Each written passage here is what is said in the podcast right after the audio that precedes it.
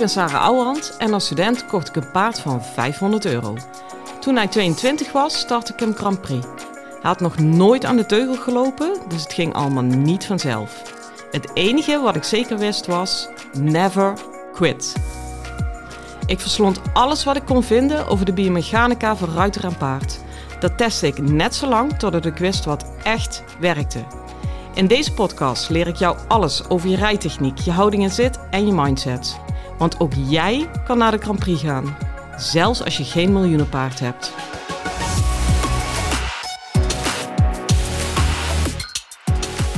Hi lieve paardenmensen, het is weer zaterdagavond en uh, volgens mij is heel Nederland zich op het maken voor het uh, Eurovisie Songfestival. Ja, behalve ik, want ik vraag me echt het nut en noodzak af van dat festival. Breek me de bek niet open over alle verspillingen op alle mogelijke manieren die we daar doen voor een hoop banaliteit. Maar het zal wel weer aan mij liggen. Zo'n boom kun je natuurlijk ook over het paardensport opzetten. Hè? En uh, ja, het is voor het eerst echt een hele mooie dag. Hij heeft wel mijn paard meteen last van de warmte. Dat is echt heel jammer. Dat heeft hij heel snel. Maar um, over warmte gesproken, daar wil ik eigenlijk echt wel eens een keer een lans voor breken voor alle paardjes.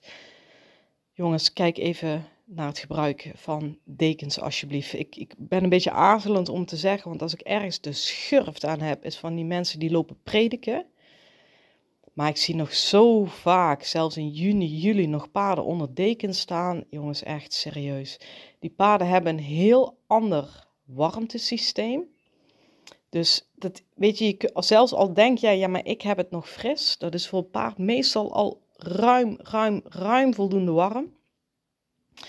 En uh, ja, ik vind niks zo sneu als die paarden zien uh, die daar onder die deken staan te ploffen. Dus ja, bedenk het je, weet je, iedereen kent zijn eigen paard het beste, hè? dat snap ik ook wel. Maar verdiep je daar eens een keer in. Je hebt bijvoorbeeld, um, dat, dat, dat was alleen al voor mij een eye-opener. Paarden kunnen warmte ook veel moeilijker kwijt. Kijk, wij staan horizontaal en wij hebben relatief weinig massa met relatief veel huid die daar tegenover staat. En de huid transporteert natuurlijk al die warmte. Maar zo'n paard, die heeft die hele romp, die veel meer massa met relatief veel minder huid. Dus die moet uh, heel veel meer warmte afvoeren, want die heeft meer massa, met heel veel minder huid. Nou, dat alleen al maakt dat dat warmtesysteem totaal anders is en dat ze het echt veel eerder warm hebben uh, dan wij. Dus echt het vergelijk, ja, ik heb ook nog een jas aan. Ja, please think twice, alsjeblieft. Uh, sowieso is het ook voor je spieren en je pezen. Ja, warmte is gewoon een killer. Ik hoop toch dat we daar onderhand met z'n allen over eens zijn. Ja, dat geldt natuurlijk ook voor dekens, hè. Nou, ik heb zelf al een keerpunt bereikt en dat vind ik wel echt, echt, echt een keerpunt. Ik ga um, overmorgen scheren. Hij zit te dik in zijn vacht. Um, dat hoort natuurlijk een beetje bij ouder worden, maar ja, oh, die doet wel pijn hoor. Dat is de eerste keer dat ik merk van, ja, oké vriend, weet je, als ik je dus nu in de zomer moet gaan scheren, ook jij wordt ouder. Zoveel is duidelijk. Dus dat doe ik dan ook met liefde. Kijk, ik heb liever dat ik hem een keer scheer dat hij warmte kwijt kan, zeker in de beweging. En uh, ja, verder hou ik er gruwelijk veel rekening mee dat ik uh, s ochtends heel vroeg rijd, s'avonds laat eigenlijk ook al geen optie meer. Want dan hangt die warmte in die hallen. En nogmaals, dit geldt voor mijn paard, hè, want die heeft nu in het voorjaar, bij de eerste uh, zonnige dag, heeft hij al last. Dus dat is natuurlijk wel boven gemiddeld. En eigenlijk kan hij overal, stampt hij doorheen. Nergens merk je ooit iets aan dat hij last heeft. Behalve bij warmte. Dus daar wil ik dan ook echt extra goed uh, rekening mee houden. Goed, dat gezegd hebbende, uh, ook nog een hele leuke tip. Het is een beetje van alles wat deze keer hoor. Ik luisterde vandaag naar podcast Tweede Hoefslag. Die staat ook gewoon op Spotify en ik neem aan ook op Apple uh, Podcast. En die is gratis. En daar doen ze allemaal interviewen met allerlei mensen uit, uit de topsport. En ze hadden Ankie uh, te pakken gekregen. Dat vond ik wel heel erg leuk. Dat zij nog steeds gewoon in zo'n podcast uh, gaat zitten. Zo, voor sommige mensen is zij een beetje omstreden. Daar heb ik lekker dikke, dikke poep aan, want ik heb het even niet over rijtechnieken en de hele kermis daaromheen. Maar ja, weet je, ik vind haar zo leuk. Ik heb zo vaak al dingen van haar gehoord waarvan ik denk, ja, weet je, jij bent gewoon echt nog een paardenmeisje gewoon. Je hebt dat echt nog weten te behouden. Dat vind ik zo knap. Ik weet bijvoorbeeld dat zij uh, voor wedstrijden of voor, uh, weet ik veel, clinics, zij is nog steeds degene, zij verlegt zelf haar paarden in. Dat wil ze ook echt, want ze zegt, ja, ik vind het gewoon lekker om met zijn paard te tutten. Ja, weet je, bij mij ben je dan al binnen. En uh, die podcast op de hoeslachten begonnen mee van, ja, hoe zit je erbij? Zei ze, nou, eigenlijk heb ik een off-day, ik heb wel eens betere dagen gehad. En uh, nou, zo, wat is er aan de hand dan? Ja, toen zei ze van, uh, ja, ik heb vandaag uh, mijn Shetlander in moeten laten slapen. Ja, ja, ik vind het, ja, het is niet geniaal dat de beest dood is. Maar oh, daar, daar, daar zat ze gewoon helemaal stuk van. En dat ze ook nog zei van, ja, ik weet echt wel hoe knullig het klinkt. Ik heb mijn Shetlander in moeten laten slapen.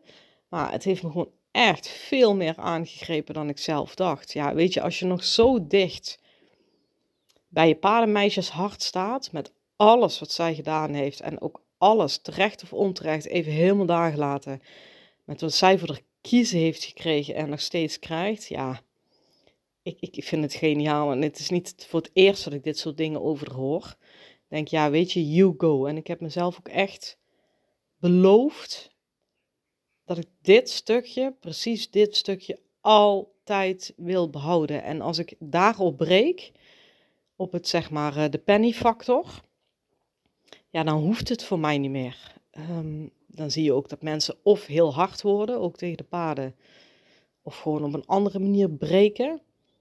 Maar uh, ik heb te vaak gezien bij mensen om me heen en in het algemeen, die gaan dan in de paden werken, die professionele, die professionele analyseren zichzelf. Goeiedag zeg, het is zaterdagavond.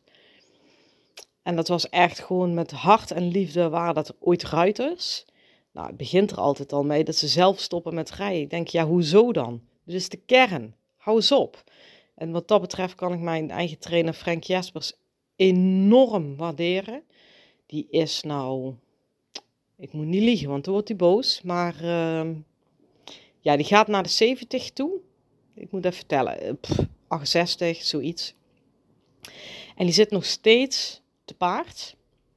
En dat is echt niet omdat hij nog vindt dat hij zo ontzettend veel kan. Uh, die heeft van zijn rug, die heeft last zijn knie gehad. Uh, die beperking zie je ook wel terug in zijn rijden. Dat, dat, dat weet hij ook wel. Hij stapt bijvoorbeeld daarom heel veel. Maar hij gaf in een interview uh, bij de dressuur aan van ja, weet je, ik blijf toch rijden. Want ik wil blijven voelen hoe moeilijk het is. Ja, weet je, als je als instructeur zo erin staat, ja, dan, ja, hij is al binnen bij mij, maar dan ben je bij mij 100% binnen. En dat is precies waarom ik blijf rijden en waarom ik mijn eigen pennyschap overeind wil houden, omdat hier staat of valt het mee. Als je deze passie en deze spirit ja, moet je blijven voelen en daar moet je mee in contact blijven staan. Want laten we elkaar even geen mietje noemen.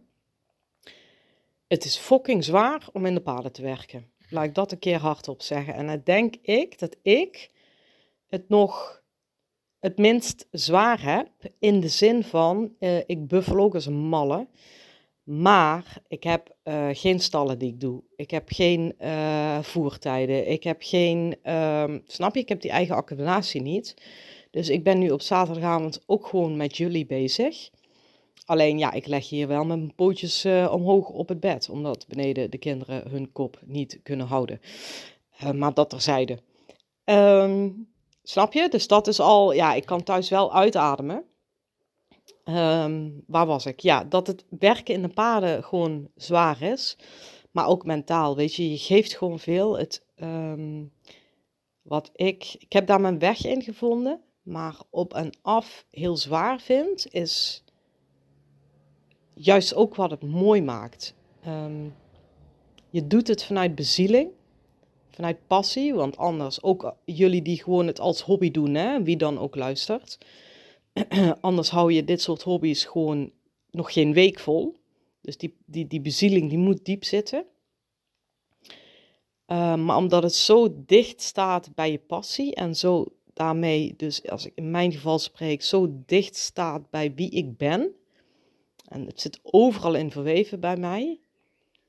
Als er dan dingen zijn die niet zo tof zijn, uh, gedoe met klanten of een paard dat niet door de keuring komt. Of ja, weet je, we kunnen dit allemaal wel verzinnen, hè, de voorbeelden.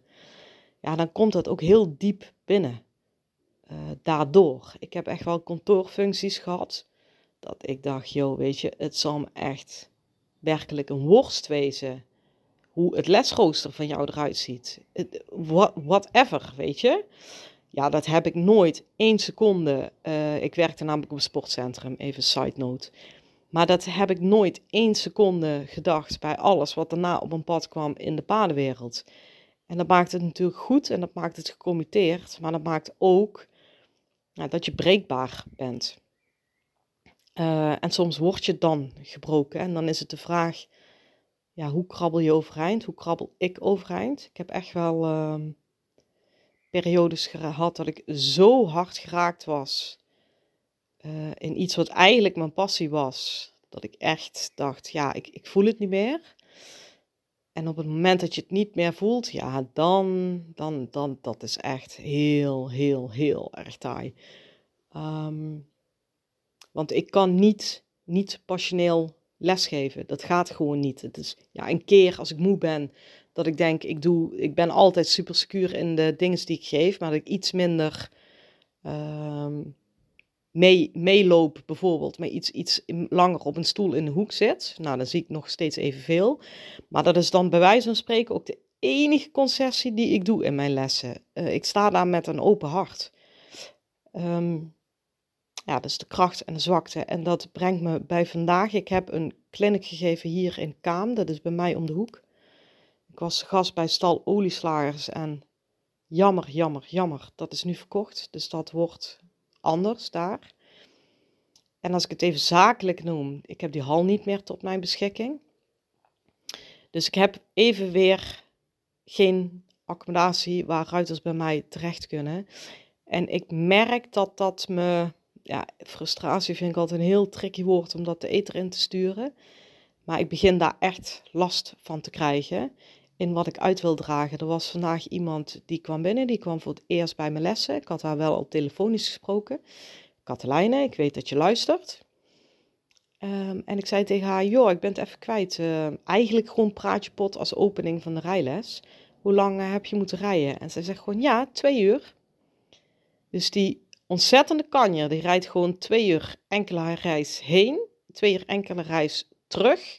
Voor drie kwartier les van mij. En dat maakt me zo ontzettend dankbaar. Ik kan je ook wel vertellen, ze is niet voor niks gekomen, want we gaan er echt een hele mooie slag mee slaan. Maar ik wil echt een plek hebben waar mensen op die manier bij me terecht kunnen. Dat, dat weet je, fuck het woonhuis hier. Ik ben daar helemaal klaar mee. En fuck dan extra werk met stallen, boksen, voertijden, whatever. Um, ik wil gewoon heel graag een kleinschalige accommodatie met binnenbaan. Dat heb ik dus uh, op het oog gehad. Dat is vrij recent. Ik heb al tien keer getwijfeld. Ik ga het in de podcast benoemen. Maar wij zaten toen in de onderhandelingen. Ik denk, ja, weet je. Je kunt ook jezelf in de vingers snijden met je openheid. Dus doe dit nou even niet. Maar sinds vorige week weten wij dat dat niet doorgaat. Als ik het zeg, denk ik nog steeds, ja, daar valt die baksteen weer op mijn maag, want het was echt eigenlijk ideaal. Um, en vandaag liep ik weer er tegenaan van dat ik dacht, ja, weet je, kwamen acht ruiters uit verschillende gebieden uit Nederland naar me toe. Ja, ik heb zo'n behoefte aan een eigen trainingscentrum of een baan, een rijhal waar ik goed terecht kan met mensen. Ehm, en dat moet gewoon een zakelijke overeenkomst zijn. Ik ben echt niet op zoek naar een vriendendienstje. Want dat is leuk voor een keer en leuk voor twee keer. Maar na de derde keer heb ik toch gewoon gauw hoer. En ik wil fundamenteel aan mijn bedrijf bouwen. En dat betekent dat ik fundamentele afspraken wil kunnen maken. En dat betekent dus, en ik heb jullie hierbij nodig, weet je iets. Het liefst in Brabant. Nou ja, Utrecht is denk ik, ja, daar begin ik al met mijn beren. Centraal in Nederland mag ook, het mag zelfs, zijn mijn man net, uh, bij de tukkers zijn. Uh, ik zoek een kleinschalige accommodatie met binnenbaan. Een beperkt aantal stallen. Mijn ideaal is maximaal 20. Um, ehm, te koop. Dat mag je me aanbieden als je iets weet. En voor de time being ben ik absoluut op zoek naar een rijhal. Ook het liefste regio Breda-Tilburg. Waar gewoon mensen uit kan nodigen en echt, echt, echt mee aan de slag kan. Ja, en anders Centraal Nederland. Maar dat betekent weer dat ik ieder weekend in de auto zit. Nou doe ik dat met liefde, maar als ik dat een keer kan overslaan, dan heel graag. Dus, weet je iets? Denk met me mee. Ehm, ja, ik, ik, ik wil daar, dat wil ik ook nog even zeggen, zo'n dame die dan twee uur enkele reis zit. Ja, weet je, echt bos, bloemen voor haar. Dat zegt voor mij zo ontzettend veel over haar instelling. En het is niet omkeerbaar. Ik zeg niet, oh, als je dus geen zin hebt om twee uur in de auto te zitten, dan heb je een verkeerde instelling. Maar ik ehm, wil wel echt alleen nog maar werken met ruiters die zo gecommitteerd zijn. En niet eens aan mij, maar aan hun eigen proces. Deze dame wil zelf zo graag beter worden dat ze bereid is om die reis te maken, omdat ze echt denkt dat ik de sleutel heb in haar proces of een sleutel. Dat vind ik zo goud. En of ze dan zo twee uur naar mij rijdt of naar een ander, eigenlijk doet dat er nog niet toe. Um, maar die instelling, ja, daar ga ik echt van licht geven in het donker. Ik vind dat zo waanzinnig tof. Ja, weet je, het mag duidelijk zijn uit mijn podcast. Ik heb zelf die instelling ook.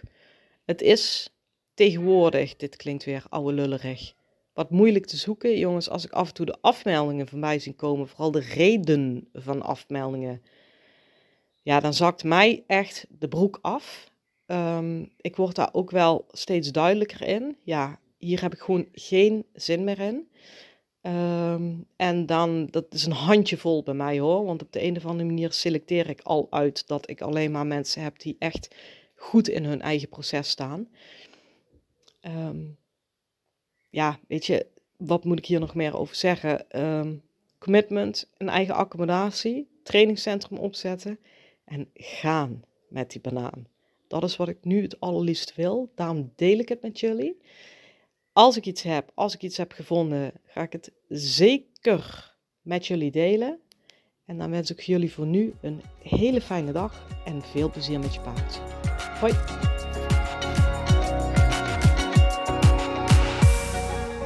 Lieve ruiters, dit was hem weer voor vandaag. Waardeer je mijn tips? Geef me sterren op Spotify en iTunes. Dat voelt voor mij als een dankjewel. En geef je paard een knuffel van me.